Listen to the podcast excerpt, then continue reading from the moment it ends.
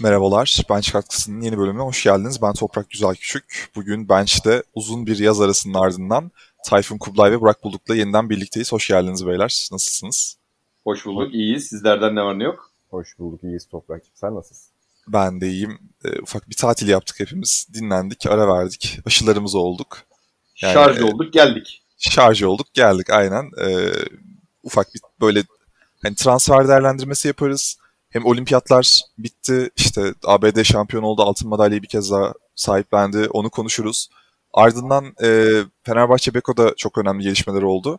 E, tabii üzerinden biraz zaman geçti ama e, işte oturması falan da zaman aldı. Sasha Djordjevic haberimiz var. E, onu detaylı bir şekilde konuşuruz. Bir de bugün e, bir hani transfer dönemi şöyle ki Euroleague içerisindeki transferler en azından şu ana kadar bitmiş gibi görünüyor. E, takımlar bu dönemin ardından NBA'den artan oyunculara yönelmeye çalışacaktır. Ee, şöyle bir Euroleague tr- transferlerini, iç transferlerde kim başarılı, kim neler yaptı. Böyle bir ilk 8 transferi, ilk 9 transferi konuşmak istiyoruz detaylı bir şekilde. Ee, şöyle başlayalım diyorum siz de kabul ederseniz. Bir olimpiyatlarla başlayalım yani. Olimpiyatlar biteli bir hafta oldu, yeni bitti. Ee, tabii bizi ilgilendiren e, Türkiye'nin aldığı madalyalar dışında e, basketbol tarafı vardı olimpiyatların. Her ne kadar Türk basketbol takımımız katılamasa da bu sezon, yani bir kez daha katılamasa da diyeyim. Ah ah ah. Pek, hiç pek başarılı olduğumuz bir alan değil çünkü. En, en çok yaklaştığımız alan zamandı belki de yani evet. olimpiyatlara katılmak için. Yani kötü kaçtı hakikaten. Ya en çok yaklaştığımız bir de hani abi sen de biliyorsun çıkan takımları gördün yani. İşte ah, yani, ah. tamam İtalya mesela başarılı, Fransa başarılı ama mesela ben Fransa'nın finale kadar gideceğini hiç düşünmüyordum. Çekya'nın iyi olacağını hiç beklemiyordum. Çekya yani bence sürprizdi e, orada yine. Ya Amerika ilk maçı kaybetti. E, Arjantin kötü başladı. Üçüncü ha, Arjantin kötü başladı. Final yaptı. Yani e, çok iyiydi. Yani İspanya, Amerika mesela yenilgiyle başladı Fransa yenilgisiyle. Hı-hı. Oradan finale kadar hiç maç kaybetmedi final dahil. Yani çok e, ilginç güzel bir olimpiyat hakikaten. Ya ama şöyle kağıt üstünde takımlara bakıldığı zaman kapatabileceğimiz bir takım Tabii, grubu varmış. Kesinlikle. Yani buradan çıkabilirdik. Çünkü İspanya sonuç olarak prime döneminde değil. Oyuncular çok Hı-hı. yaşlandı. İşte Kesinlikle. Almanya var mesela bizim önümüzde giden.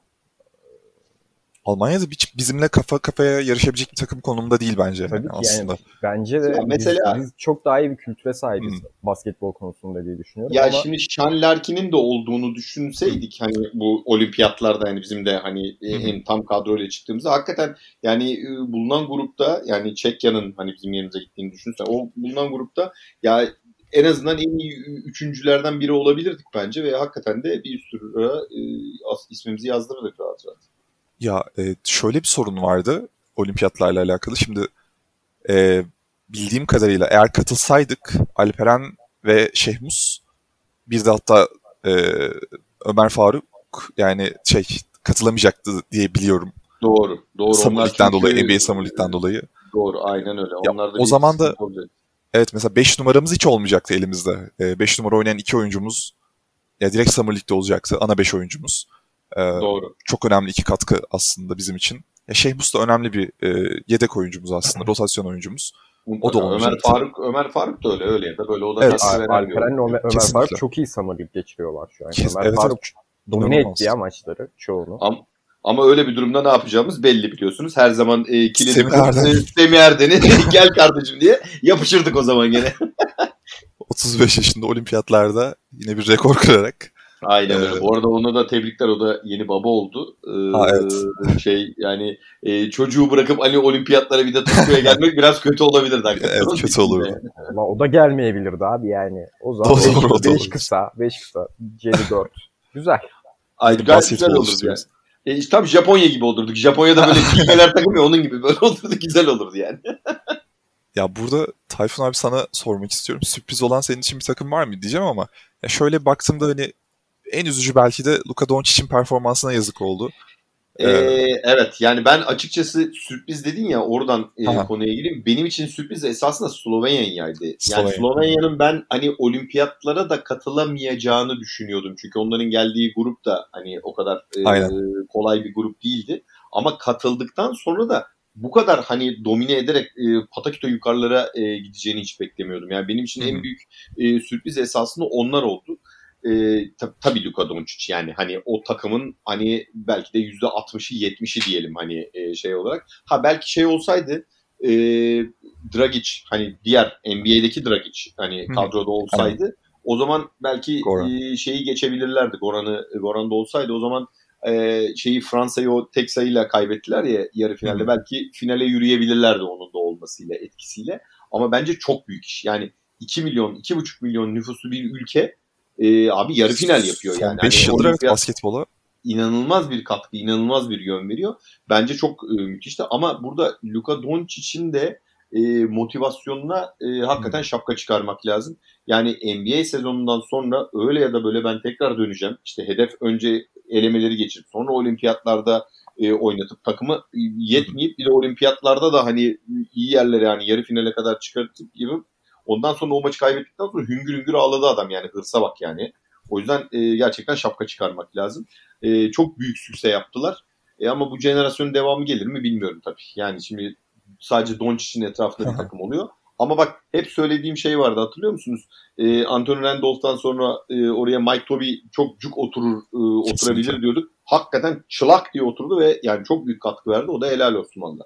İyi seçim, ya, doğru seçim olmuş. Mike Toby de Efes'le yine adı anılan oyunculardan biriydi. İşte olmuyor e, maalesef. Evet. O ya, hem o hem Jock Landale o Jock da Landale, şekilde. Evet, yani, yani ikisi de NBA'de kaldı. Mike Toby Valencia'da devam edecek. Yani ilginç. Aynen. Zaten bu Valencia'nın nesi var bilmiyorum ama oraya giden inanılmaz bir bağlılık içerisinde. Yani hani bu, bu şey gibi bir aile bağları gibi böyle ya da orada bir mafya mı var acaba ne oluyor? Gir, buraya giriş var ama çıkış yok kardeşim falan mı diyorlar ne diyorlar bilmiyorum ama giden bir türlü ayrılmıyor ya çok ilginç yani. Abi yani Ayrılan da geri dönüyor. Hep de bizim takımlarımızın böyle talip evet. olduğu ya da transfer etmek evet. istediği oyuncuların yolu Valencia'ya ya düşüyor ya oradalar. Geçen Geçiyorlar, sene işte öyle. Fenerbahçe, e, Prepelic, Hermanson falan konuşuyordu. Evet. İkisi evet. birden Valencia'ya imza atmıştı. Yani Ay çok ilginç ya. Yani hakikaten orada bir şey tamam bir iklimi vesairesi bir basketbol kültürü bir şeyi var ama yani tamam geçen sene neyi satıyorlardı? Biz EuroLeague'deyiz. Ulan bu sene Euro Cup'tasın. Hani yine şey olmuyor ki gitmiyor ki yani. Yani ya Mike, mesela Dubljevic mesela Dubljević'in üzerine herhalde e, şeyi kuruyorlar hani takımı kuruyorlar ya da o salonu Dubljevic salonu falan yapacaklar. Adam 6 senedir orada ve yani e, bir sürü de teklif alıyor. Biliyoruz, duyuyoruz, görüyoruz. Kesinlikle. Kesinlikle ayrılmıyor yani. Çok ilginç yani. Performansı da düşmeye başladı yani. Bu Aynen sene mesela öyle. gösterdiği performans geçmiş Doğru. yıllara baktığımızda daha az double double vardı. Daha az işte Aynen. skor etkisi vardı. Daha az böyle e, yani takım oyununda da yeri azalmıştı birazcık. Süresi de azalmıştı. Aynen e, öyle kendini de kaybediyor yani aslında bir nevi durmakla. Tabii kendi tercih ediyor. Yani bir şey diyemeyiz ona da. Mike Ama Toby yani or- şekilde... orayı da şey yapmak lazım. Yani hakikaten o basketbol organizasyonu da o anlamda Öyle demek ki. lazım. Demek evet. ki hani iyi bir ortam sağlıyorlar hmm. ki çok büyük bir bağlılık oluyor oyuncularda. Bu arada e, kadın e, basketbol tarafı da aynı şekilde. Kesinlikle. kesinlikle. E, Valencia'nın yani hani onlar da çok böyle dominant bir şekilde gidiyorlar. Yani hem İspanya liginde hem hmm. e, şeyde kulüp bazında Avrupa'da yani Asvel'le çekişte falan çok iyi bir organizasyon. Vallahi inşallah devam ederler yani. Ya e, Doncic'le alakalı bu arada şuna da değinmek istiyorum. E, ya FIBA FIBA'nın hani 40 dakikalık bir oyun süresi var. Kuralları NBA'den farklı. Hadi NBA'de yaptıklarını bir kenara bırakıyoruz. 48 dakikada yapıyor bunları. 40 dakikalar oynuyor genellikle orada da. E, uzun bir sezonun ardından, uzun bir NBA sezonun ardından geldiği bu noktada 40 dakikalık bir süre içerisinde işte FIBA kurallarıyla oynarken triple double yapabilmesi tek başına o takım içerisinde inanılmaz müthiş, başarıydı müthiş. bence. Ee, zaten tarihte de bildiğim kadarıyla olimpiyatlarda triple double yapan üçüncü oyuncu olmayı başardı. Doğru. Birisi LeBron olması lazım. Diğerini hatırlamıyorum. Benim, benim yaşımdan da önceydi galiba. Evet, önce Hatta o, bayağı şöyle söyleyeyim. Ee, Oscar Schmidt var bak mesela Brezilyalı. Ee, evet. Onun sayı rekorunu kıracaktı. Kıracaktı. sayı vardı. Yani atacak ve kıracaktı yani. Ee, yani o müthiş yani Zaten oraya belli ki iz bırakmaya e, gelmişti. Kesinlikle. Ama bu arada şeyi de söyleyeyim sen şimdi FIBA kuralları deyince aklıma hemen şey geldi. E, Amerikalı Zach Levine'e bizim Can Korkmaz hani o e, Eurostep back shooter falan videosu falan var ya yok arkadaş böyle değil böyle yapılır falan diye. o, o bir anda aklıma geldi gülesim geldi bir anda. Steps yaptı aynı şey diyecektim. Can Korkmaz'ın suçu falan diye bağıracaktım böyle. Çok güzel olaydı o gerçekten. Can Korkmaz'ın herhalde kendisi de hayal etmiyordur diye düşünüyorum. Yani bunu şey için söylemiyorum böyle. Kesinlikle. Yani düşünsene abi yani çok komik yani. Valla ama evet, çok evet. güzel bir anı oldu onun için. Kesinlikle. O da eyvallah yani. Ya e, burada hani bizim üzüldüğümüz hani hem sürpriz olan bizim için belki de hem de üzüldüğümüz Slovenya oldu. Ya onun Aynen. için Amerika'nın kazanacağını Biliyorsun. yani tahmin yani, etmek çok zor değildi maalesef. Şöyle Kevin Durant'in olduğu e, Aynen. neredeyse hiçbir kupayı yani ne Dünya Kupası'nı ne e, şey Kaybetmezler. kaybetmediler. Bak mesela 2019'da yoktu Kevin Durant. E, neredeyse nal topladılar. Ama 2010 Kesinlikle. Türkiye'de düzenlenen Dünya Şampiyonası'nda finalde Türkiye'yi yendiler. İşte 2014 e, Rio'yu aldılar. Yani o anlamda baktığında 2012'de de vardı. 2012'de de vardı. 2016 Rio'yu aldılar pardon orada e, şey yaptılar. Yani zaten üst üste dördüncü olimpiyatını e, aldı Hı. Amerika. Bu da yani dördüncü altını aldı.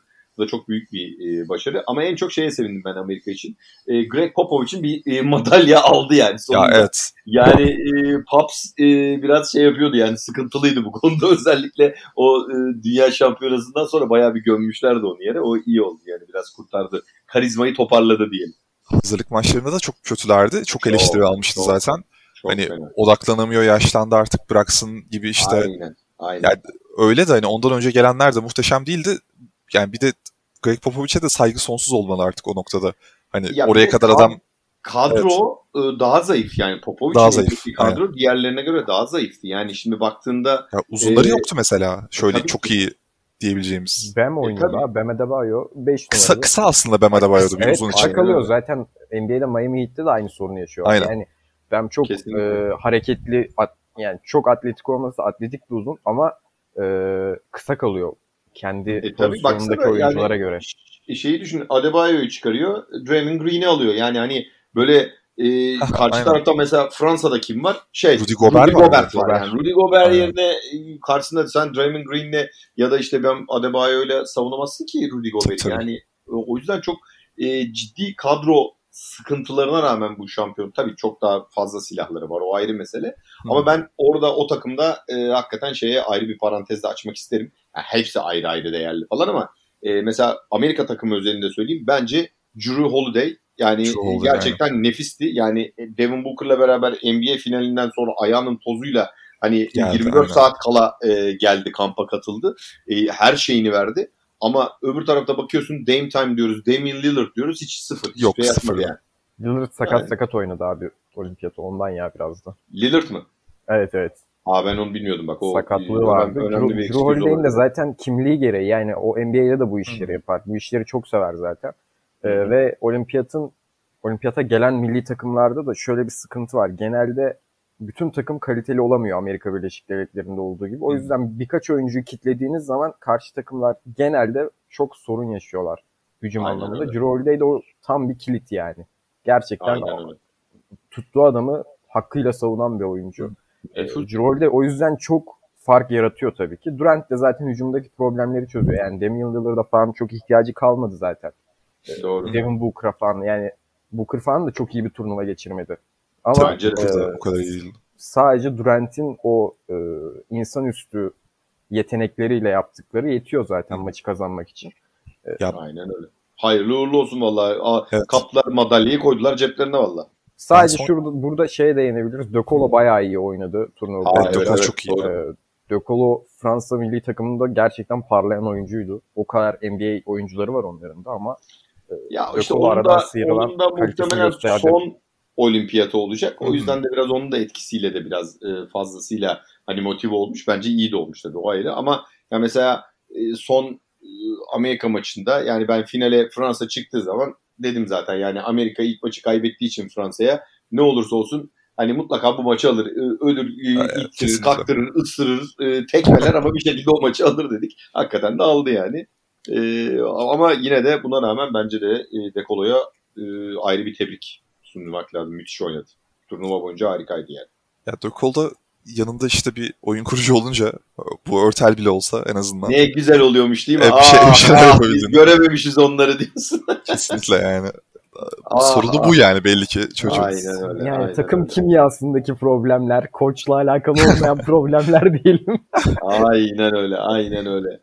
Adam yani e, şeye geldi, kendine geldi. Nefes aldı böyle yani suyun altında aynen. dolaşıyormuş. Kafayı çıkardı. oh be oksijen var falan dedi resmen yani. Şimdi olimpiyatlar böyleydi. Ya Avustralya'ya da çok ufak şöyle değinmek istiyorum. Avustralya'da basketbol kültürü olarak son 10 yıldır e, çok güzel şeyler katıyor aslında dünya basketboluna. Ya yani hem takım e, hissiyatı olarak çok birlikteler yani. İşte maç öncesi yaptıkları ritüeller, maç sonrası sevinçleri, bir takım olarak Kesinlikle. sahanın içinde verdikleri mücadele. E, zaten NBA yıldızları da var arada. Yani işte Patty Mills'ın olduğu Patty işte, Mills, artık yeni Jock Landale'lar. Jock Landale, aynen. E, ya, e, Josh Green'ler, Dallas Mavericks çok iyi yani. Ya, gayet de güzel oyuncuları var aslında ve bunu kesinlikle ya sahaya bir takım olarak daha iyi yansıtmayı başarıyorlar. Amerika'dan daha farklı olarak e, hani benim her zaman söylediğim şey şu. Amerika bir kültür, aidiyet böyle hissetmediği için oyuncular genelde zaten o yüzden gelmiyorlar, etmiyorlar biraz da. Yani böyle e, ben gelsem de. ne yapacağım bu saatten sonra falan havasındalar çoğu oyuncu. Fakat diğer takımlarda daha farklı oluyor. Özellikle Avustralya'da işte bu milli takım, milli kültüre verilen önem onları daha iyi bir takım haline getiriyor aslında. İşte birkaç yıldızları daha olsa belki de daha iyi yerlere de gelebilirlerdi ama son 3 turnuvadır işte yarı final görüyorlar aslında. Bu da gayet evet, onlar için evet. büyük bir başarı. Bence de. Bence de. O, o jenerasyon iyi gidiyor. Fransa'da Aynen. da bu arada şey var. E, hani bilmeyenler için söyleyeyim. E, oyuncularla sözleşme imzalıyorlar. Yani sen ha, hangi evet. takımda olursan ol işte NBA olsun, işte ne bileyim Avrupa Euroleague olsun milli takıma katılacaksın. Hani hiçbir yani sakatlık vesaire dışındaki eksi yüzlerin olmadığı sürece diye bu sözleşmeye bağlı olarak istemeseler de geliyorlar zaten. Hı hı. Ya zaten ya yani... tabii bu iş belki sözleşmeye bağlamamak tabii, lazım. Senin dediğini anladım tartışılır, yani. aynen evet. Yine de hani onu da öyle bir şekilde zorunlu tutuyorlar ama yani evet. Avustur Avustralya'nınki gerçekten çok ıı, farklı bir şey. Yani onlar Kesinlikle. daha bir bütünlük gösteriyorlar yani şey olarak, takım olarak. Ya ben kimsenin gitmediğini falan hatırlamıyorum yani sakatım şu bu işte özel nedenler. Hani Tabii milli takıma katılmadığını hiç hatırlamıyorum Avustralya'da. Çok ilginç ve güzel bir kültürleri var bence. Doğru. baktığımızda. Ya Amerikalılar için de zaten değerli olan tek şey bu olimpiyat altını ya. Yani diğerleri, aynen, aynen. Ya olimpiyat kadrolarıyla dünya şampiyonası kadroları falan arasında çok büyük farklar var. Çok dünya şampiyonasına fark. işte Türkiye'ye geldiklerinde o oyuncuların hepsi çok gençti. Tam e, isimleri vardı Hı-hı. ama hepsi evet. çok gençti. Yani daha parlamamış, süperstar olmamış şekilde gelmişlerdi buraya. Durant bile. E, Tabii doğru. O yüzden e, dünya şampiyonasında Bakarsan... getirmiyorlar genelde yıldız oyuncularını ama olimpiyatlara gerçekten çok ciddi önem veriyorlar bence. Bence de. Zaten bunun da işte e, ödülünü alıyorlar. Dört olimpiyattır üst üste e, altın. Bu arada e, kadın basketbol takımı Amerika'da daha komik. Hala Diana Taurasi falan var o ayrı. Beşinci, üst, beşinci olimpiyat altını aldılar üst üste ya. Yani dominenin, e, dominasyonun herhalde üst noktasını yaşıyorlar. İnanılmaz yani. Ya orada karşı gelebilecek bir takım yok ama benim evet ya, bence bildiğim ve gördüğüm kadarıyla. Yani izledim de çok azıcık. E tabii yani... final, finalde Japonya çıktı abi karşında. E, evet. Ötesi var mı yani? Abi, Avrupa yani. basketbolunu bile Amerikalı oyuncular domine ediyor zaten. Tabii, tabii. Yani o yüzden e, onlara çok karşı çıkacak bir takım yok ya orada. Aynen Kesinlikle öyle. öyle. Bu arada Şimdi yine basketbolla ilgili bir şey yapıp ondan sonra hemen geçelim. Bu Tabii arada fi, e, olimpiyatlarda ilk defa e, 3x3 basketbolda oynandı. E, bu da herhalde önümüzdeki dönemde dünya şampiyonasında şurada burada falan bir onların da turnuvasını herhalde düzenleyecekler diye düşünüyorum. Ya e, tabii biz katılmadık. Katılamadık yani daha doğrusu evet. ilk turnuva dolayısıyla muhtemelen hani aslında ama. Türkiye'de de 3x3 kültürü yavaş yavaş gelişiyor mesela. Ben Türk takımını görmek isterim orada. Ya işte Red Bull'un düzenlediği turnuvalar var. Ee, İzmir'de, İstanbul'da, işte İnanılmaz maçlar oluyor orada var ya bir de evet. yani çok veteran adamlar yani Aynen, bayağı veteran oyuncular çok oluyor. canavar oynuyorlar yani Aynen. bildiğin gibi. Çok da güzel kurallar var. Neyse onu başka bir podcast konusu olarak konuşuruz sonra. Bu arada konsept olarak da bayağı eğlenceli ya. Yani oyun Kesinlikle. hiç neredeyse durmuyor. Çok ak- akışkan bir oyun var. Sürekli devam ediyor. O yüzden izlemesi de bayağı keyifli. Ben denk geldim. 3-5 maç izledim. 3x3'te. Sırbistan meşhur oyuncusu adını şu an Aynen. getiremiyorum ama onu, onu izlemek onu, büyük bir keyif. E, şeylerini böyle hareketlerini falan YouTube'dan izlemiştim. Ha. Yani inanılmaz şeyler yapıyor abi maç müthiş, esnasında. Müthiş, Gerçekten müthiş, müthiş. İnanılmaz. Çok, çok değişik hareketleri var. İzleyebilir dinleyenler. Evet. E, basketbol olimpiyatlarında böylelikle noktalamış olduk. E, ufak da bir şey değinelim istiyorum. Hani olimpiyatlarda madalya kazanan Türk sporcularına e, Yani iki tane altın madalya ile kapatabildik bu olimpiyatları ve Türkiye tarihinde bir aslında rekor kırdık. 13 tane madalya alarak ilk defa bu kadar çok madalyaya ulaştık. Tabi aslında Aynen şöyle bir Amerika içine baktığımızda 13 madalya ne ki gibi görünüyor ama bize spor kültürü bu kadar yerleşik olmadığı için işte çoğu alanda çok başarılı olmasak da çalışarak yapılabileceğini işte okçulukta Mete Gazoz'la e, gördüğümüz gibi ondan sonra. Yani kadın en azından, boksunda e, evet, bu senazlar hani kesinlikle bu senen sürmeneli. E, ya çalış, çalışılınca en azından bir kültür otur, oturtulunca bir düzen işte yani bunların yapılabileceğini gösterdik en azından. 80 kesinlikle. milyonluk bir ülkede 13 tane madalya çıkması bence hala büyük bir sorun.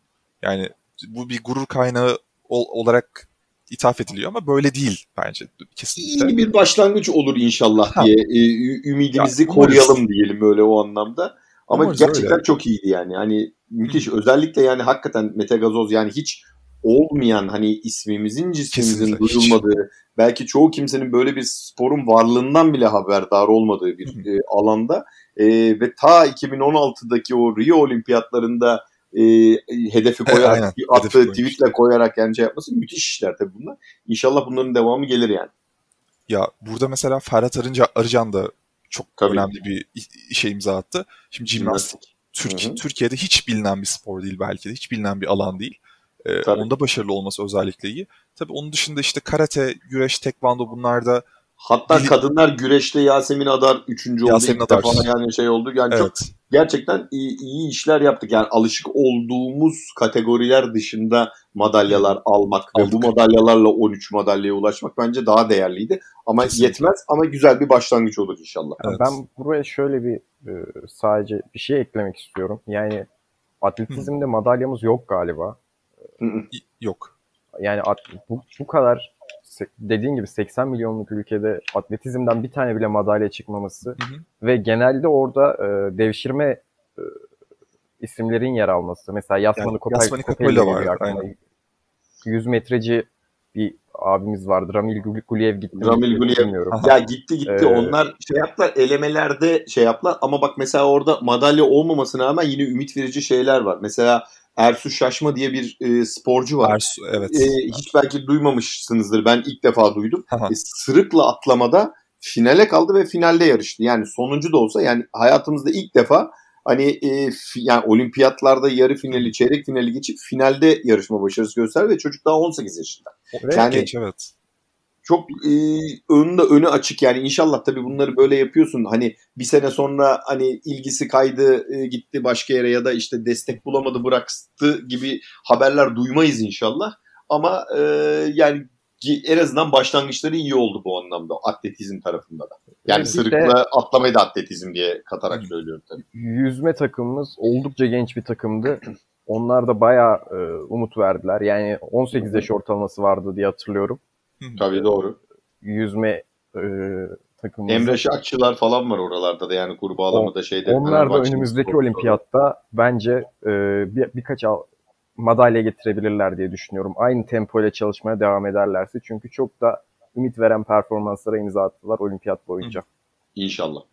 Umarız. Ya olimpiyatlar biraz bireysel olarak çok odaklanmayı gerektiriyor. İşte mesela bu hani geçen sene olsaydı belki de daha iyi hazırlanabilecek sporcular da olacaktı. E, ee, 4 yıl boyunca bir bir etkinliğe hazırlanıp onun olmaması da insanları muhtemelen ya, çok fazla etkilemiştir. Covid'in bir travması da mutlaka bütün sporcularda evet. var yani. Ee, işte bir yıl daha yaşlanıyor mesela insanların vücutları. Yani Simone Biles mesela geçen sene olsa çok iyi bir yarış çıkarıp belki de rekoru kıracakken bu sene işte yaşadığı Kesinlikle. mental sorunlarla baş ettiğini Aynen açıkladı. Öyle. Ya tabii böyle şeyler de var sporda. Olabiliyor normal yani çok doğal karşılamak lazım. Umarız ki daha sistematik bir şekilde buralarda yer alıp daha çok başarı hani başarı da gelmese de en azından başarı için rekabet olursa biz, biz De, devamlılık önemli. Devamlılık Aynen, yani devamlılık bir, önemli. Bir, bir olimpiyata katılan bir sporcu ertesi olimpiyata katılamıyorsa yani o devamlılık yani. olmuyor. Yani hani o devamlılık kazansan sonuç itibariyle katılmayı yap. Ondan sonra o günkü şartlara göre değişebiliyor tabii olimpiyat performansları ama o önemli yani. Hayırlısı.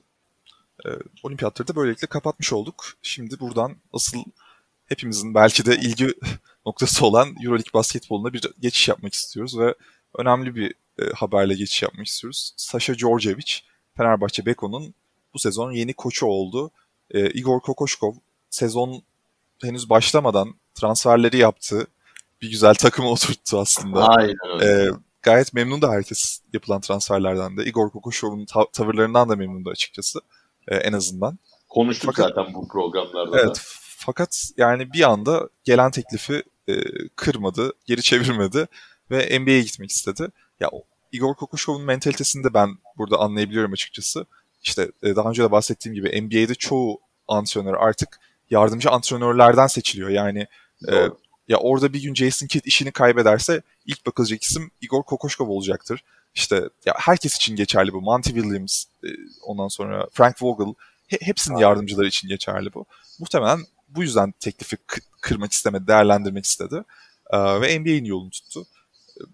E, burada şununla başlamak istiyorum öncelikle. E, Burak sana sorayım. Evet. 3-4 tane koç adayı vardı e, bildiğin üzere senin de. Sasha Djordjevic bu isimlerin en başında gelen ve seçilen isim oldu zaten. Hı hı. Ama onun dışında Gerardini'den çok tanıdığımız Zaketti vardı, Romeo Zaketti. E, işte yerli koçlardan Ufuk Sarıca vardı, Orhun Ene vardı. E, bir de tabii ki her sene koç değiştiğinde artık ismini duyacağımız Erdemcan vardı orada. Yani sence buradaki en iyi seçenek kimdi? E, Sasha Djordjevic doğru bir seçenek mi oldu? Ne düşünüyorsun? Şimdi ben öncelikle Kokoşkov'un ayrılışı hakkında bir şeyler söylemek istiyorum. ben Konuş Kokoşkov, konuş Burak konuş. Ben, ben Kokoşkov hocamın arkasındayım. Şimdi neden? Çünkü e, ben yaz boyunca arkasında durulduğunu düşünmüyorum. E, Kokoşkov'un. Yani sürekli farklı koç adayları gündeme geldi. Daha yani adam takımı kurma aşamasındayken bile sürekli işte yok işte Trinkieri mi gelse, yok Obradovic mi gelse. Bunu sürekli yani taraftarlar yapıyor. Daha taraftarlar bile Doğru. koçunun arkasında değildi. Kesinlikle. Böyle bir güvensizlik ortamında ben NBA'den gelen ilk fırsatta gideceğini zaten düşünüyordum ki yani bunu sadece ben değil bütün belki basketbol kamuoyu biliyordur. Ee, yani o yüzden ben Kokoşkova çok kızmıyorum. Çünkü alınan oyuncular da böyle tek bir sistemi oynayıp tek bir sistemde ilerleyebilecek oyuncular değiller. Çok yönlü oyuncular ve e, yani koçu olmasa bile bir takımın isteyebileceğiniz oyuncular. Henry de öyle, Polonara da öyle. Yani sonuç olarak mevkilerinin neredeyse geçen sene en formda oyuncularını getirdi bu sene Fenerbahçe'deki. O yüzden ben e, kadro yapılanması anlamında da çok bir sıkıntı olacağını düşünmüyorum. Yani şu az önce saydığım bütün koçlar takıma geldiklerinde bence bu oyuncuları görmekten mutlu olurlar diye düşünüyorum. Kesinlikle tabii. Ee, onun haricinde senin sorduğun soruya gelirsek bence bu beşlideki en iyi aday Djordjevic'ti ve Djordjevic ile imzalandı.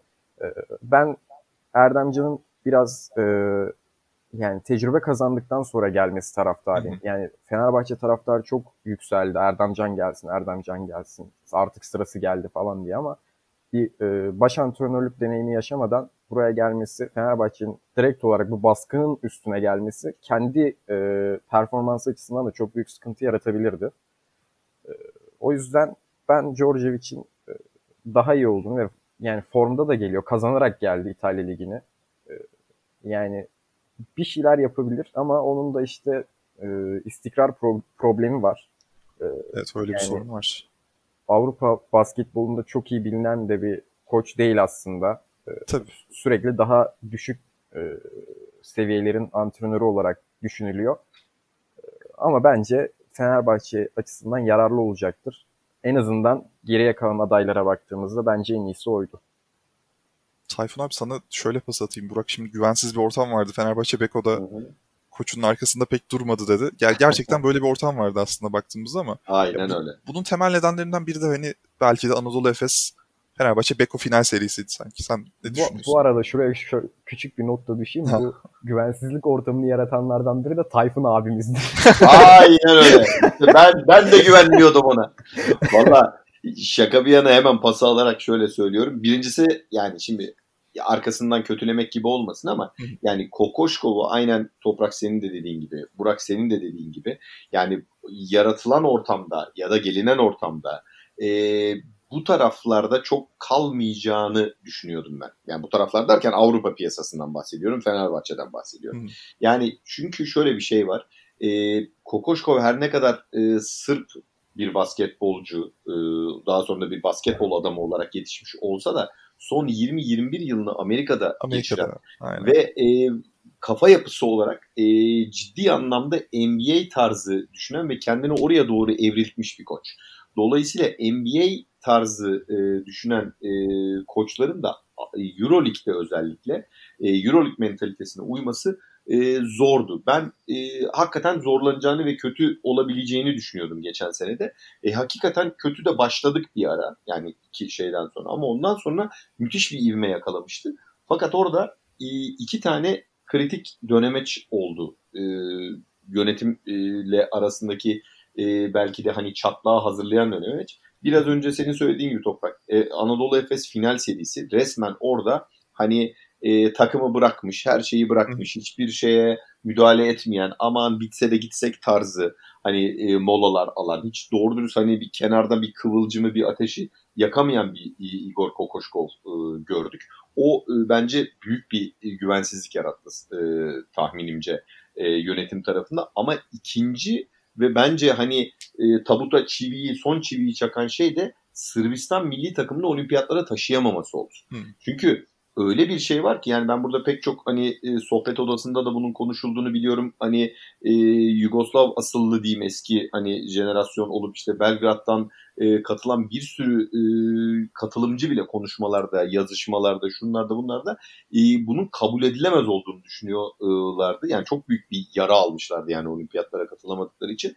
E, onun devamında da e, Sırbistan'ın olimpiyatlara katılamamasının çok büyük bir e, problem yaratacağını düşünmüyorum gibi. Böyle biraz daha olayı hafif tiye alan e, bir açıklama yapması gerçekten e, yani arkadaş sen neredesin tarzında hani tepkileri çok ciddi üstüne çekti.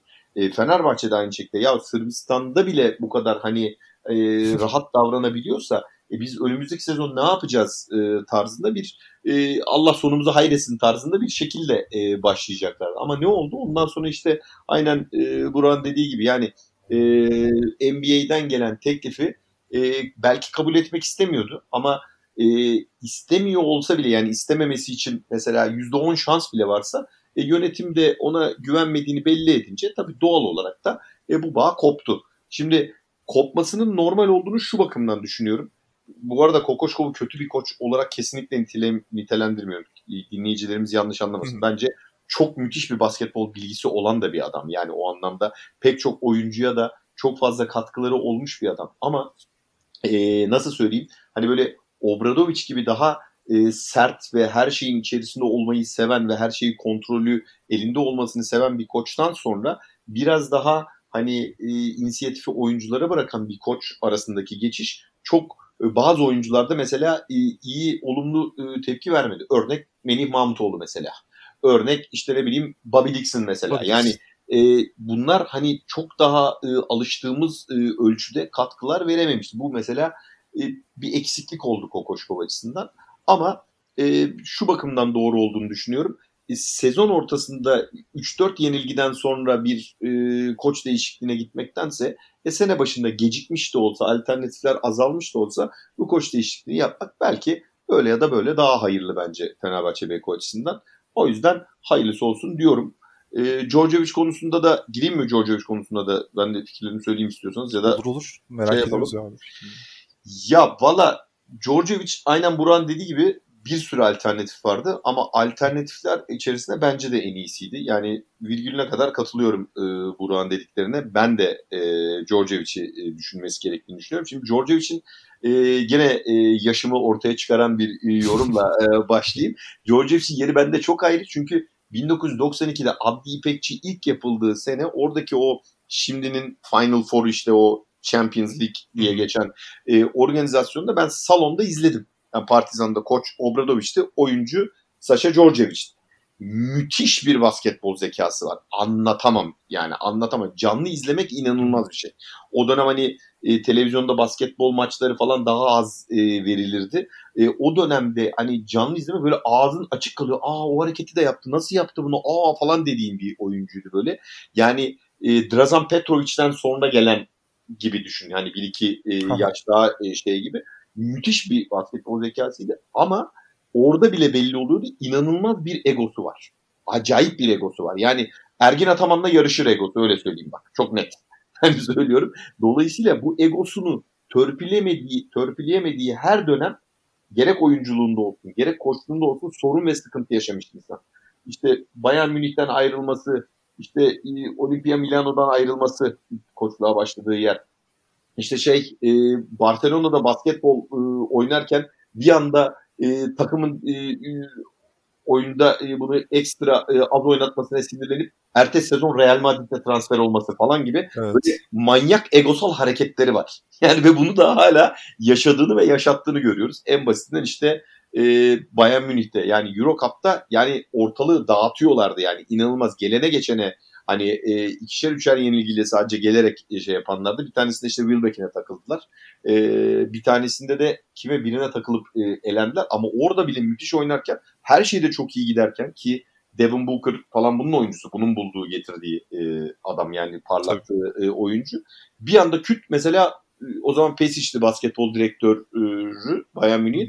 Çak onun oğluyla mı kendisiyle mi e, kavga etti. Hadi eyvallah dedi istifa ediyorum ben de. Bir anda lan ne oluyor mu oluyor falan deyip arkasına bile bakmadan çekti gitti böyle bir adam yani. hani e, o anlamda baktığında hani böyle e, tam e, ateşle e, böyle hani dinamitin yan yana durduğu bir e, birliktelik olacak gibi.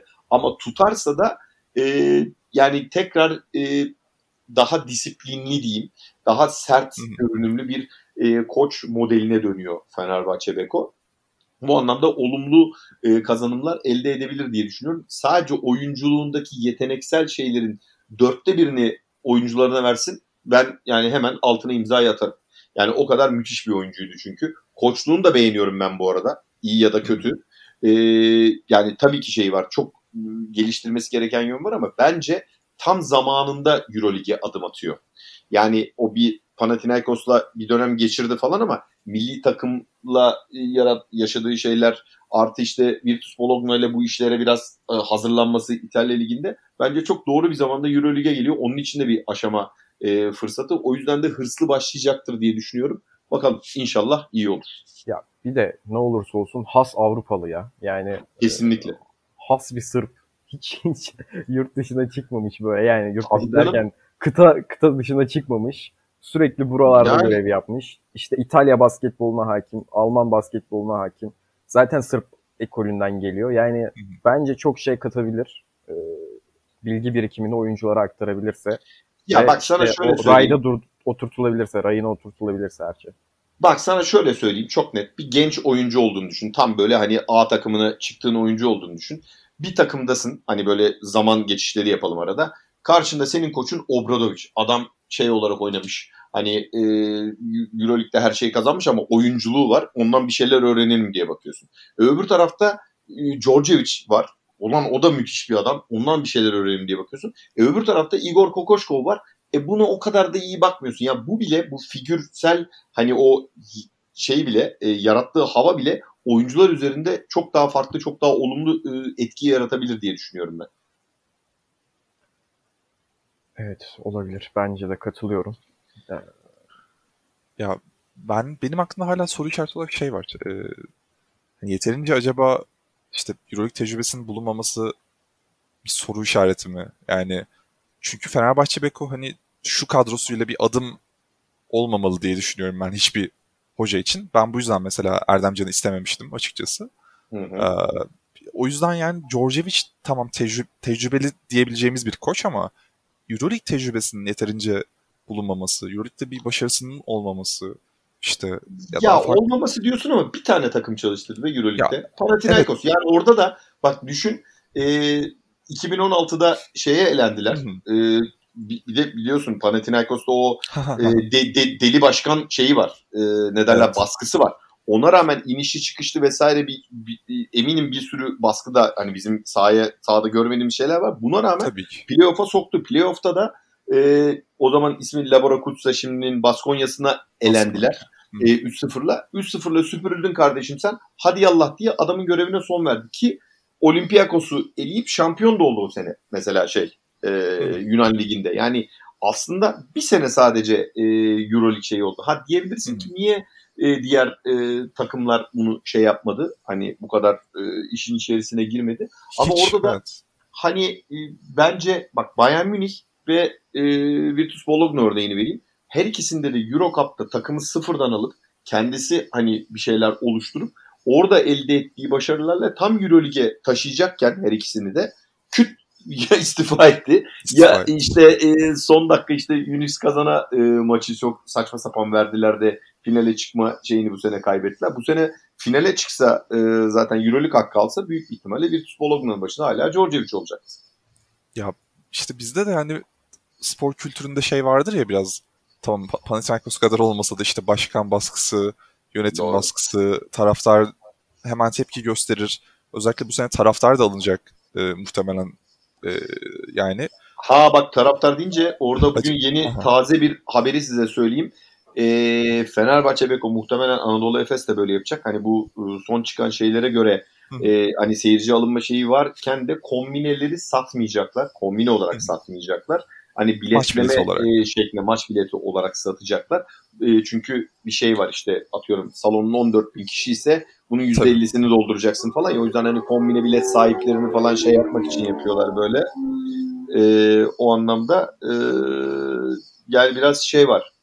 E, hani o ondan dolayı biraz hani seyirci salonda olacak ama o kadar da fazla seyirci böyle tıklım tıklım salon olmayacak. Dün işte ilk defa hani bir resmi bir Süper Lig karşılaşması seyirciyle oynandı futbolda mesela. Hı hı, ee, yarı yarıya aslında seyirci alınabiliyor ama Beşiktaş'ın stadının kapasitesi 42 bin olmasına rağmen 9 bin seyirci vardı. İnsanlar da muhtemelen hani tedirginler Biraz hala evet, gidip gitmeme konusunda henüz tam şey olmamış. Ki aslında sadece aşılılar alınıyor. Aşı, aşılanmış insanlar alınıyor. Ya Öyle zaten aşılanmıyor. E zaten şöyle de zorlukları var. Eğer sen aşın yoksa e, 48 saat önceden PCR testi PCR yaptırman gerekiyor. Yani. O PCR testinin sonuçları çıkacak. Onu alacaksın. Tabii. Çıksın. Çoğu kişi ulan ya ne uğraşacağım lan maça gitmeli oturup televizyondan izlerim falan. Yani. Muhtemelen hani dediğin gibi aşırı fazla taraftarda olmayacaktır. Hayır Ama şunu söylemek istiyorum. Ya bir tek Georgievic'in şunu e, söylemek istiyorum. Hı.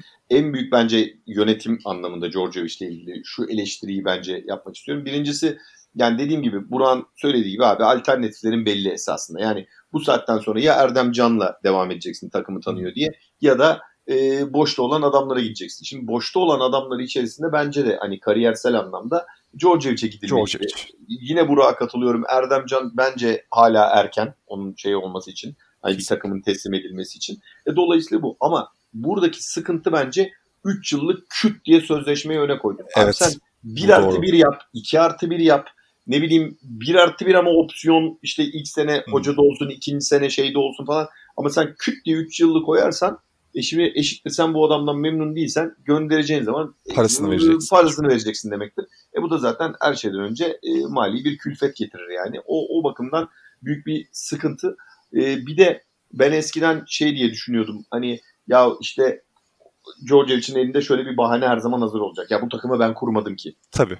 Diyecek. Ama evet. ne yaptı? E, Kokoşko e, konusu gündeme geldiğinden itibaren e, transferde frene bastılar. Biz ne diyoruz? Bir numara bir numara işte Nande Kolon'un yanında bir tane adam lazım. Sadece Pierre Henry ile olmaz falan. Bak onları bekliyor. Şimdi buradan belki NBA'den seken birini yaz liginden sonra almaya çalışacaktır. Olabilir. Ya da işte belki tutacak hani Milos Teodosic'i getirecek. Hani eski Hı. öğrencisidir çünkü onun da bir Euroleague çıkış hakkı var sözleşmesinde yani Euroleague takımlarına e, gidebilme falan diye. Bilmiyorum ama ya bu da elinde bir e, hamle şeyi de veriyor. Ama şunu şu benim hoşuma gitti. Bak mesela Devin Booker'ı Devin Booker yapan adam e, bizim Sasha Djordjevic.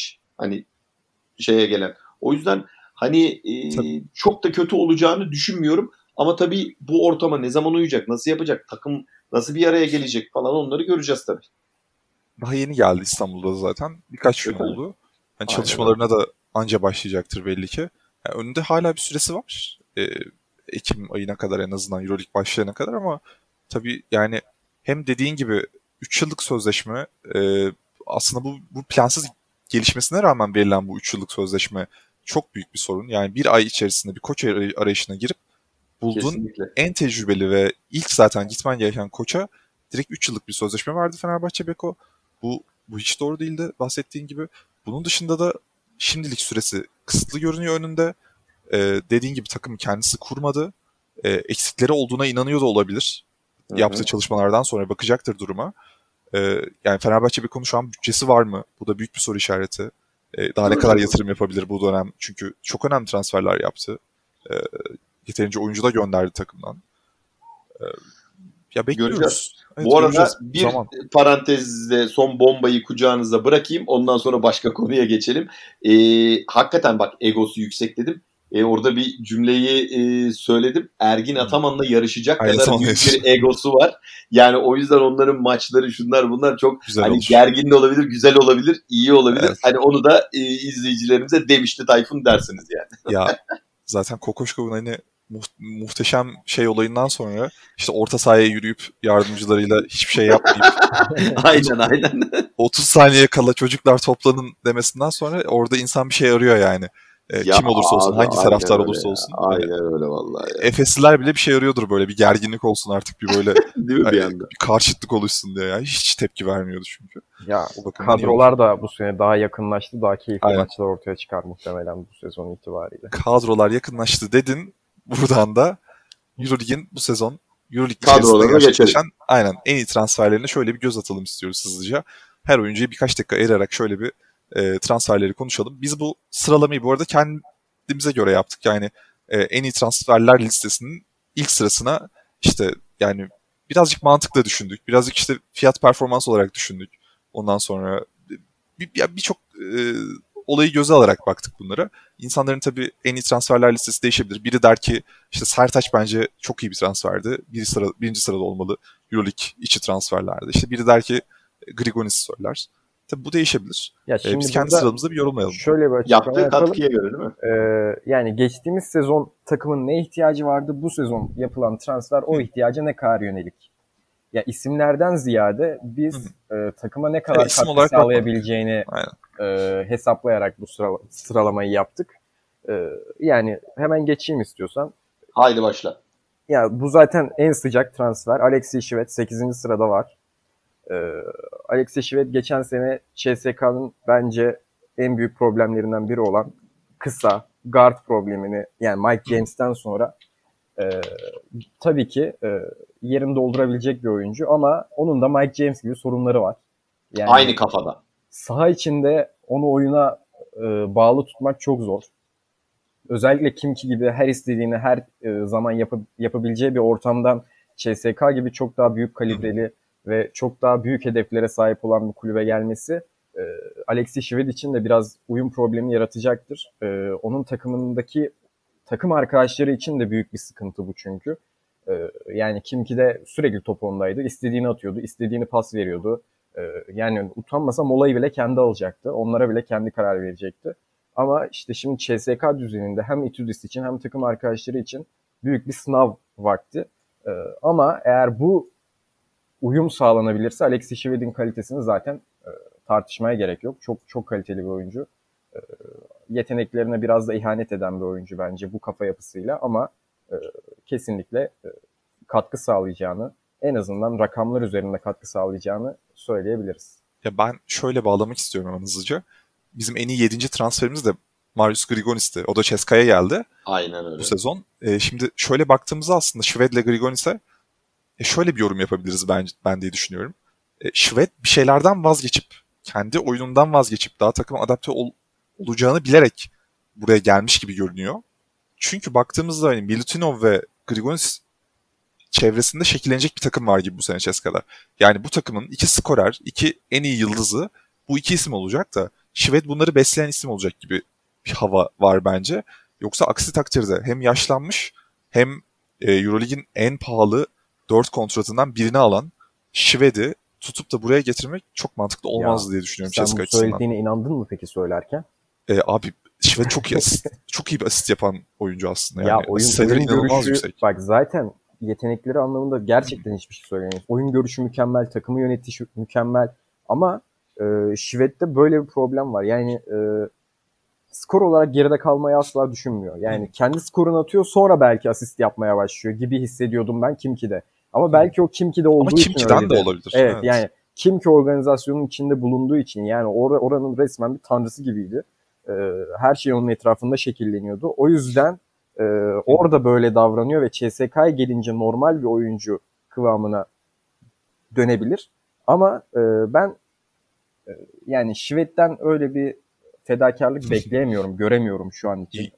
Ya da farklı bir yorum getireyim. Şöyle bir e, durumda olabilir. Şimdi Iffe Lundberg belki de ilk 5'in oyun kurucusu olurken Şivet hani ardından bu oyuncuların ardından ikinci beşlerde. En iyi 6. adam gibi diyorsun. Ha, aynen en iyi 6. adam gibi oyuna girip skorerliği de üstlenirse e, işte Milton olmadığı ne bileyim e, Will Clyburn'un sakat beraber. olduğu olmadığı ha, ya da beraber aynen. olduğu durumlarda beraber bunu üstlenebilirse bu da şöyle bir avantaj katar Ceska'ya. Hani ilk beşin zaten artık mükemmel derecesinde iyi. Milton sakatlığı da geçtiğine göre. Ya ikinci beşin de inanılmaz skorer 5 olur. Savunmaya Aynen. geçiyorum. Level, yani, yani ben daha bir adım ileri götüreyim. Ee, senin dediğin gibi oynarsa level atlatır CSK'ya. Evet, kesinlikle bence de, bence de. Yani zaten geçtiğimiz sezonda e, Mike James'i böyle kullanıyordu Itudis.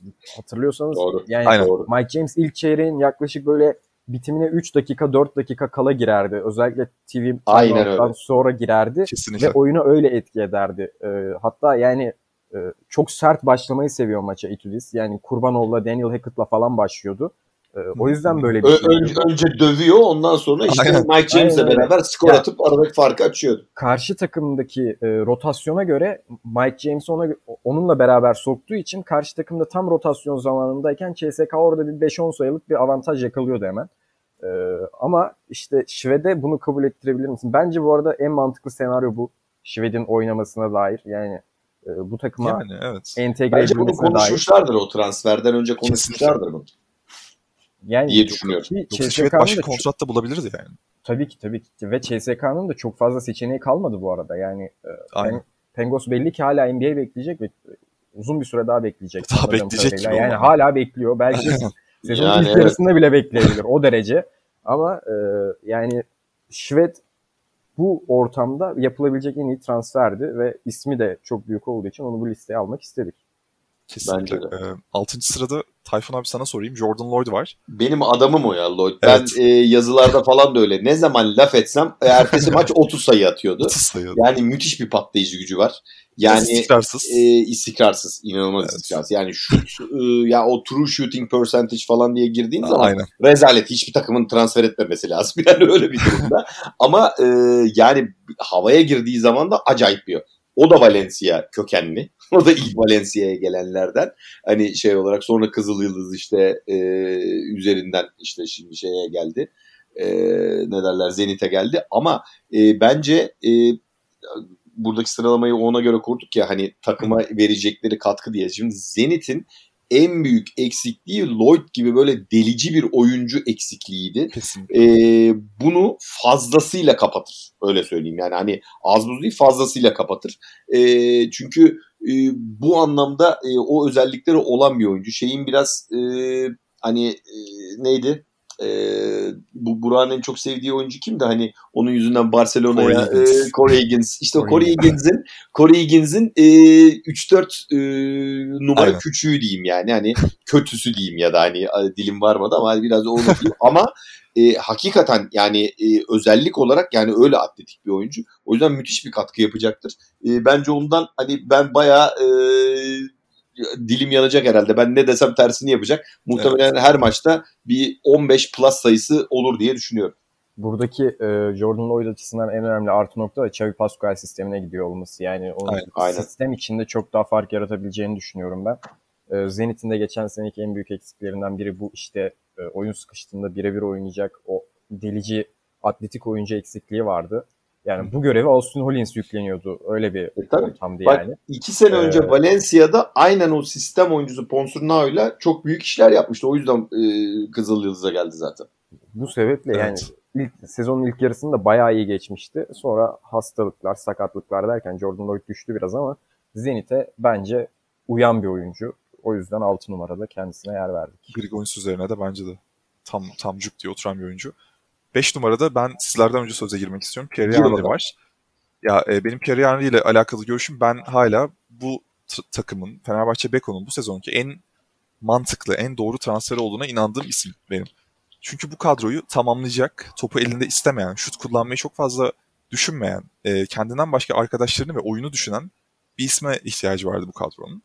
Ve ya burada Euroleague'e baktığımızda genelde e, birinci guardlar e, skor odaklı oluyor. Skoru çok seviyorlar. İşte Pengos bile bugün yani skoru çok seven, skor odaklı bir guard yani.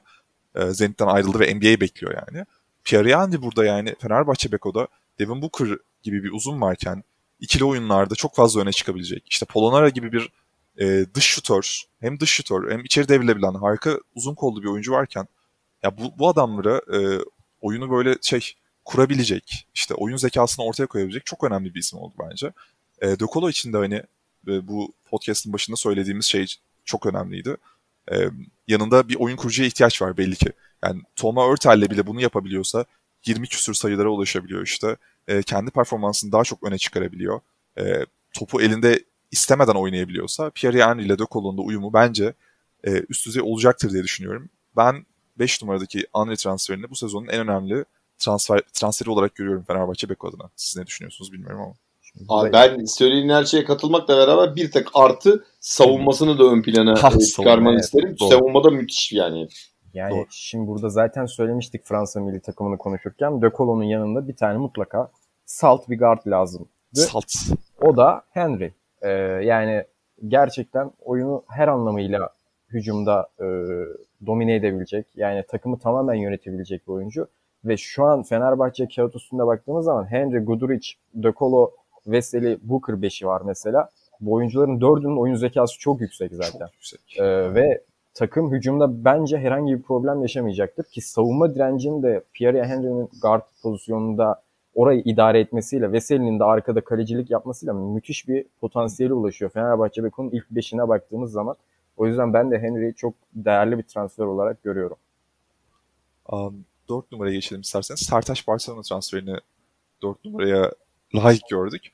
E, Sertaç için çok iyi bir transfer. Barcelona rakibinin belki de en değerli oyuncularından birini alarak rakibine bir çelme taktı diyebiliriz. Kesinlikle. E, çok iyi bir sezon geçirdi. Gerçekten son 3 senede zaten kendini inanılmaz geliştirmişti Sertaç Şanlı. E, yani hani tabii Veseli ile karşılaştırmak atletizm açısından mümkün değil belki Sertaç ama işte dış, dış tonu geliştirmesi, pasını geliştirmesi, işte boyalı alanda yapabildiklerini arttırması, kapasitesini arttırması, basket faulleri alabilir hale gelmesi. Ee, savunmada hala ayakları ağır. Bence savunmada Sertaç bir dezavantaj getiriyor takımına. Çok Biraz fazla da böyle e, cılız bir fiziksel ha, cılız. şeyleri var. Yani onun da etkisinden dolayı da biraz daha o faal problemine çabuk giriyor bence. Ama tamamlayıcı olarak bu takıma e, ihtiyaç olan uzunlardan biriydi baktığımızda yani. Müthiş. E, Brandon Davies'in ardından da e, inanılmaz işler başaracaktır diye düşünüyorum. Ya Kalatis'le oynayacak, Corey Higgins'le oynayacak.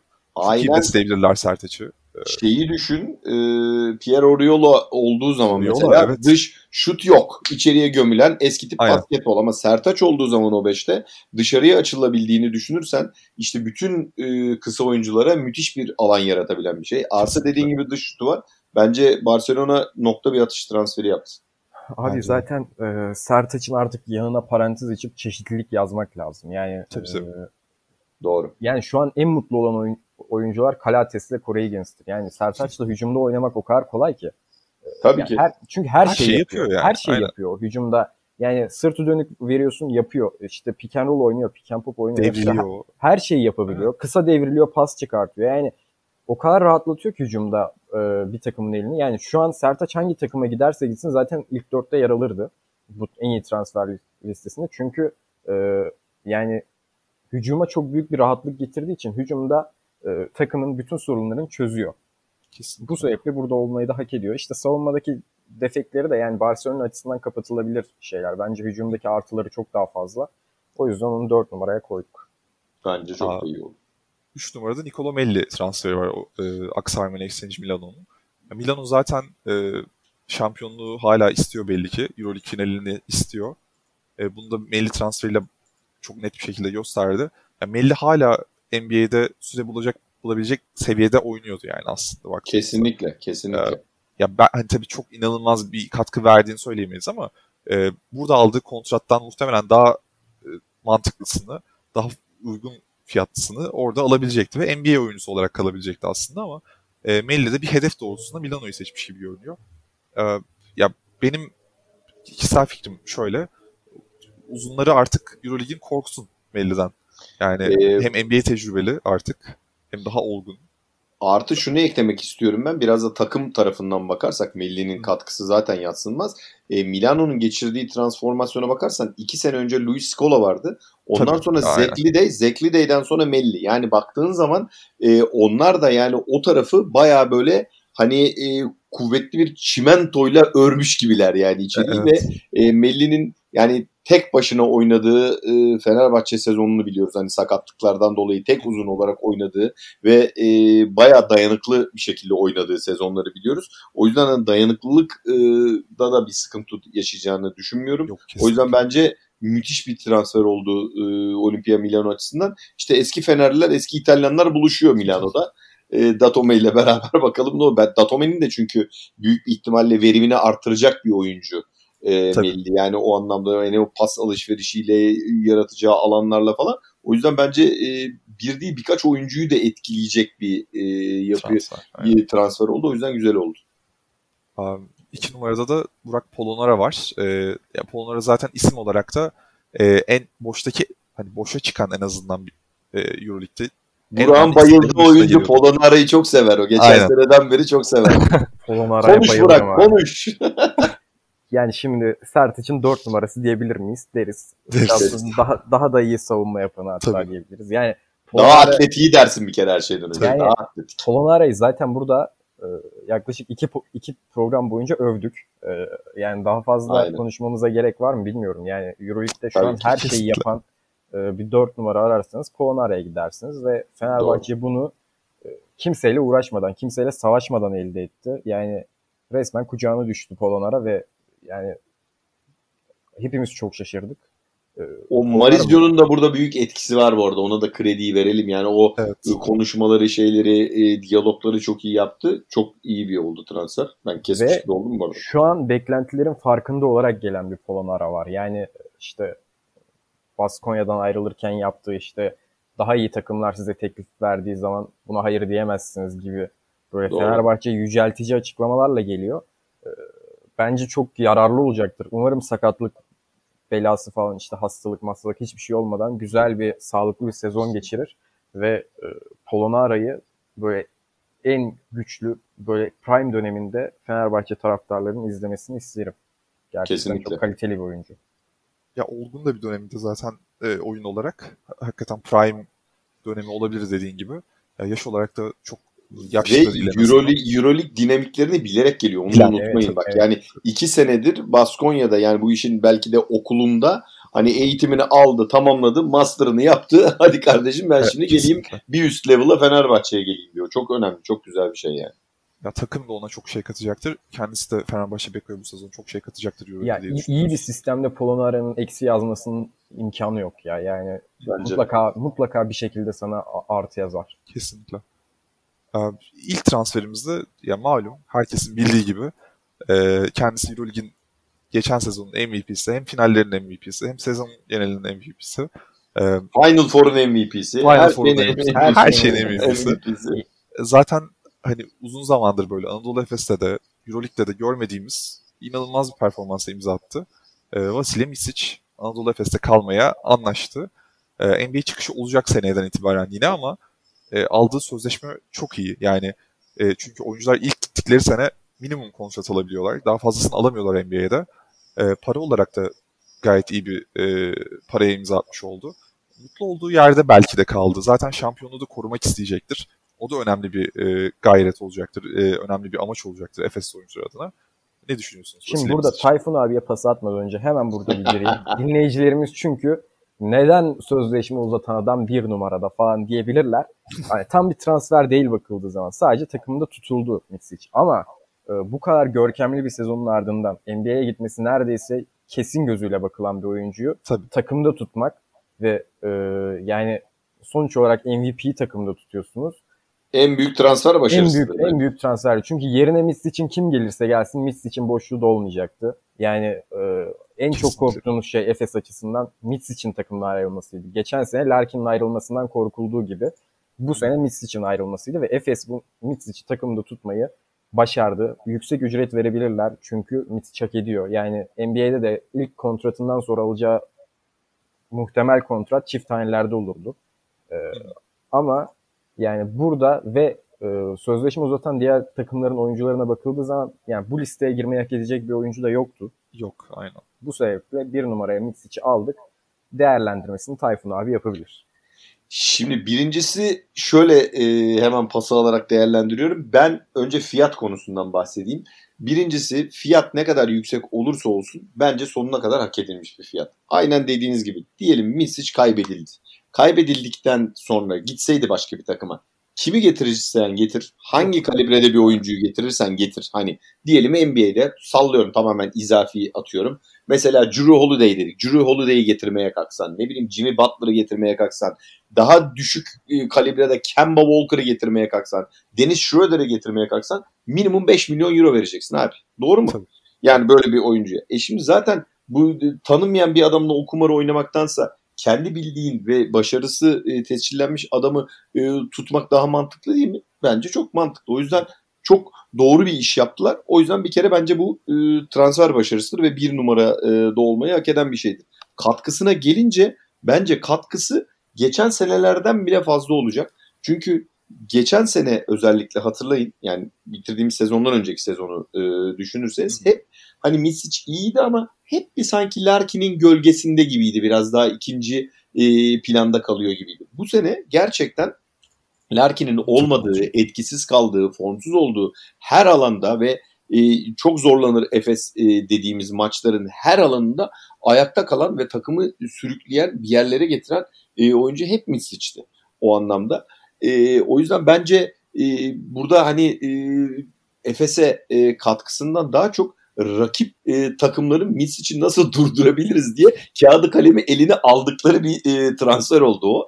E, o yüzden bence çok çok e, iyi bir başarı. Gerçekten kutluyorum yani emeği geçen e, herkesi. Bunu e, tutmaları demek bak Sertaç'ı kaybetmelerine rağmen Efes'in hala bak playoff demiyorum hala Final Four takımı o, olmaları anlamına geliyor. Yani diğer takım diğer tabii parçaları da tuttular Sertaç dışında ama ya bu hiç bundan sonra transfer bile yapmasa Efes şu Misic hamlesiyle bile Final Four kesin cepte diye düşünüyorum. Yani büyük konuşuyorum belki farkındayım ama biraz şey çünkü hani e, ne derler e, takım oturmuş yani birbirlerinin ya nefes doğru. almasını bile biliyorlar.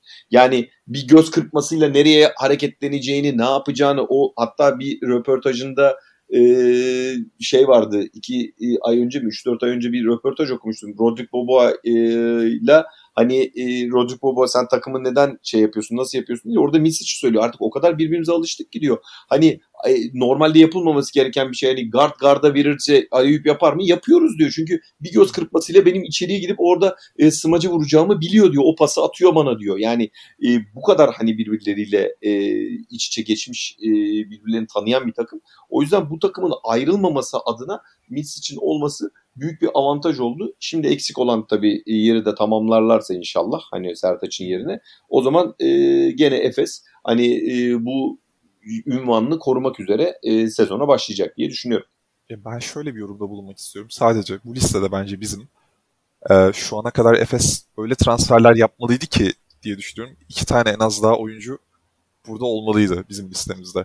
Yani şampiyon takım olarak hem uzunluğunu bulamamış olması e, şu an konuşulan isim Tarık Black e, bildiğim kadarıyla. Aman aman abi aman aman bilmiyorum ama Bence de korkunç. İnşallah yani o yoklukta sadece yani. ortaya atılan bir isimdir. Evet. Yani onun yerine herhangi bir hani ya Alec Peters getir daha iyi ya. Öyle Mesela. sana yani.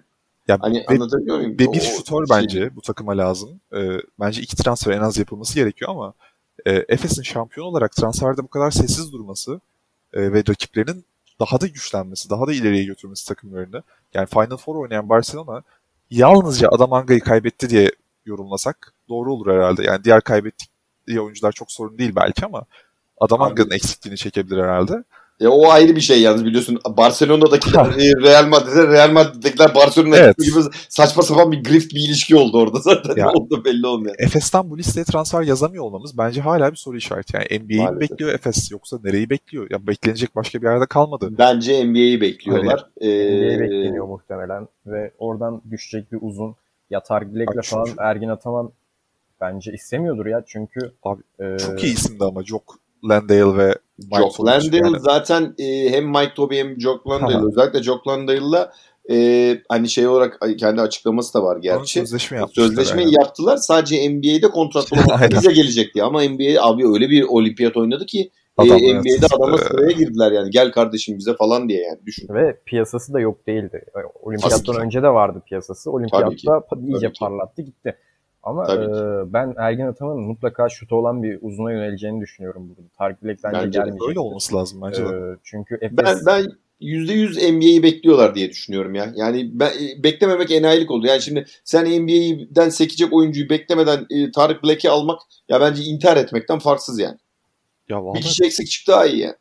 Hani NBA'de bile işte atıyorum 18 yaşında hani Alperen mesela dil bilmiyor. Ne yapacağı bence soru işaretiydi gitmeden önce. Aynen. Ee, NBA temposuyla alakalı soru işaretleri vardı ama Alperen'in gösterdiği performans işte Alperen NBA'de kalacak. 20. sıradan neredeyse seçilen bir oyuncu.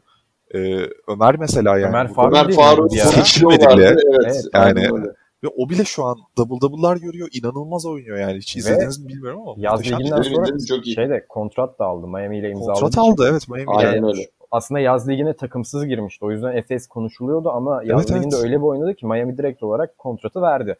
Geçen ya, sene uzatmamışlardı yani. Ömer'le. Yani sezon bitiminde uzatmamışlardı Miami. Baktı yaz liginde ulan bu neymiş böyle ya dedi. Ondan sonra hemen iki yıllık kontratı yapıştırdılar. E, zaten e, hani tarz olarak baktığında biz Efes'e yarayabilecek uzunları hep böyle Sertaç'a benzeyen e, Mike Toby dedik, Jack Landale dedik, Ömer Faruk dedik. Hep bunlar fiziksel olarak da aynı tip e, oyuncular. Hani böyle çok kalın değil, İyice, daha atletik, daha hareketli Kesinlikle. hani uzunlar. Şimdi bunları konuşurken Tarık Black demek yani e, kendine ihanet etmek gibi bir şey olur. O Abi takım, takımda bir tane Tarık Black var zaten. Brian Thompson niye ikinciyi? Aynen öyle. Yani, Aynen öyle. Aynen öyle. Bir tane ben var ondan. Niye e, bir tane var. Bir o, tane o, daha? işte bence de yani o bence Böyle biraz olmaz. şeyin evet. e, safsatasıdır ve e, bu arada hani yaz liginde ben tabii sizler kadar daha çok takip etmiyorum NBA'yi ama böyle arada denk geldiğimde izlediğim maçlarda da yani e, o tür bu saydığımız fiziksel özelliklere e, benzer bir sürü de oyuncu var. Yani Tabii, eminim buna yani 10-15 tane bu Ömer Faruk fiziğinde işte Mike Toby fiziğinde adam var. E bunların 3-4 tanesi bari hiç olmazsa Avrupa piyasasını okey diyebilecek oyuncular yani. Ya o yüzden bence onları beklemek doğrudur diye düşünüyorum. Basketbolun evrildiği nokta bu abi. Uzunlar artık yani eski geleneksel uzunluktan çıktı artık. Yani uzunlardan her şey bekleniyor. Yani pas at, pas da atsın, şut da atsın, rebound da alsın, azıcık savunmada yapsın. Yani hepsi beklendiği için artık yeni nesil uzunların tamamı neredeyse böyle. E tabii canım tepeye çıkıp o iki bacak arası yapıp içeriye drive edip içeriye vurma evet. falan gibi şeyler yapmaya başladı yani, millet. O yüzden, ne oluyor lan falan oluyorum böyle yani. Mutlaka oradan bu şekilde bir oyuncu sekecektir. Ama bunu yaz liginden temin etmek bence kötü bir durum. Çünkü onların da e, yani. tecrübe eksikliği oluyorlar ve e, yani eğer Avrupa'dan gitmediyse oyuncu yaz ligine onları oradan almak yani Amerikalı oyuncuyu buraya getirmek biraz sıkıntı olabilir Euroleague seviyesi için. Yani daha düşük ama, işte Ama bak şurada bir ekleme yapayım. Hani Efes özelinde mesela bunu Fenerbahçe veya bir başka takım yapsa evet dediğin şey olurdu ama Efes zaten oturmuş bir kadro olduğu için o kumarı oradan oynayıp hani 2-3 ayda 4 ayda hani e, şey yapmak o seviyeye getirmeye çalışmak oyuncuyu doğru bir kumar olabilir diye düşünüyorum. Olabilir.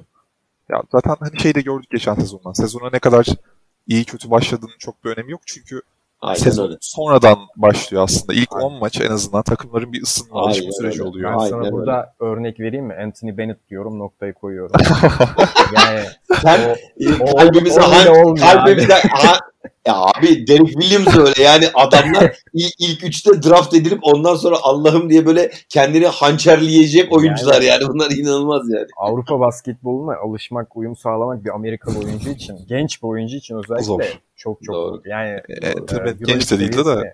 Ya Bennett genç değil, onun beyni genç. O yüzden. E, o hala yani, hep 18 yaşında kaldı. o, o hep 18 abi. O yüzden. Ama yani e, bilmiyorum ben o riske girmeyeceğini düşünüyorum Efes'in. Bence daha tecrübeli ve işte daha Ergin Ataman basketboluna uygun, hücumda alan açan bir uzuna gideceklerini düşünüyorum önümüzdeki. Bence de. Bence Bakalım. De. Göreceğiz. Göreceğiz. Ee, transfer gündeminden de bu kadardı aslında. Eklemek istediğiniz, söylemek istediğiniz bir şey varsa e, alayım son sözlerinizi. Yoksa yavaştan programımızı kapatalım. Haydi sezon evet. başlasın güzel güzel konuşalım diyorum. Evet, çok, o. Çok fazla basketbol yani bekledik yani. Vallahi çok uzak kaldık. Ee, yani NBA falan da yok artık hiçbir şey izleyemiyorum. Böyle bir boşlukta hissediyorum kendimi Hiçbir şey kalmadı abi. Açtım 2006 final serisini izliyorum. Aynen. 3 çarpı 3 turnuvalarına böyle katılacağız. Ya, evet. Artık böyle ki onlar Red Bull, Red Bull bakacağız onlara. Tayfun abi veteran oyuncumuz. Tabii işte, ben veteran ama top dağıtıcı. Hiç top içeriye dağıtıcı. girmem. Sağla solla bıraşmam kardeşim. Pot altına siz takılırsınız hiç. Ben, ben 1.73 boyu olan ama türlü türlü huyu olan şutör. Oo tamam o zaman. Toprakçım kusura bakma sen de bizim Sertaç yanlımızsın artık. ben, ben de şeyim abi olamamış basketbolcuyum zaten sakatlıklar. Hayırsız şeyler böyle. Kardeşim benim menisküsüm var. Aynen be, benim tutuyor böyle. Olsun olsun biz, biz çenemizde yine herkesi geçeriz. Siz merak etmeyin. Psikolojik baskıyla bitiririz onları. Umarım abi. E, ağzınıza sağlık tekrardan. Çok teşekkürler. E, Teşekkür ederiz. Bizden bu kadardı. Yeni bölümlerde, ilerleyen günlerde tekrardan görüşmek üzere. Hoşçakalın. Hoşçakalın. Hoşçakalın. Görüşürüz.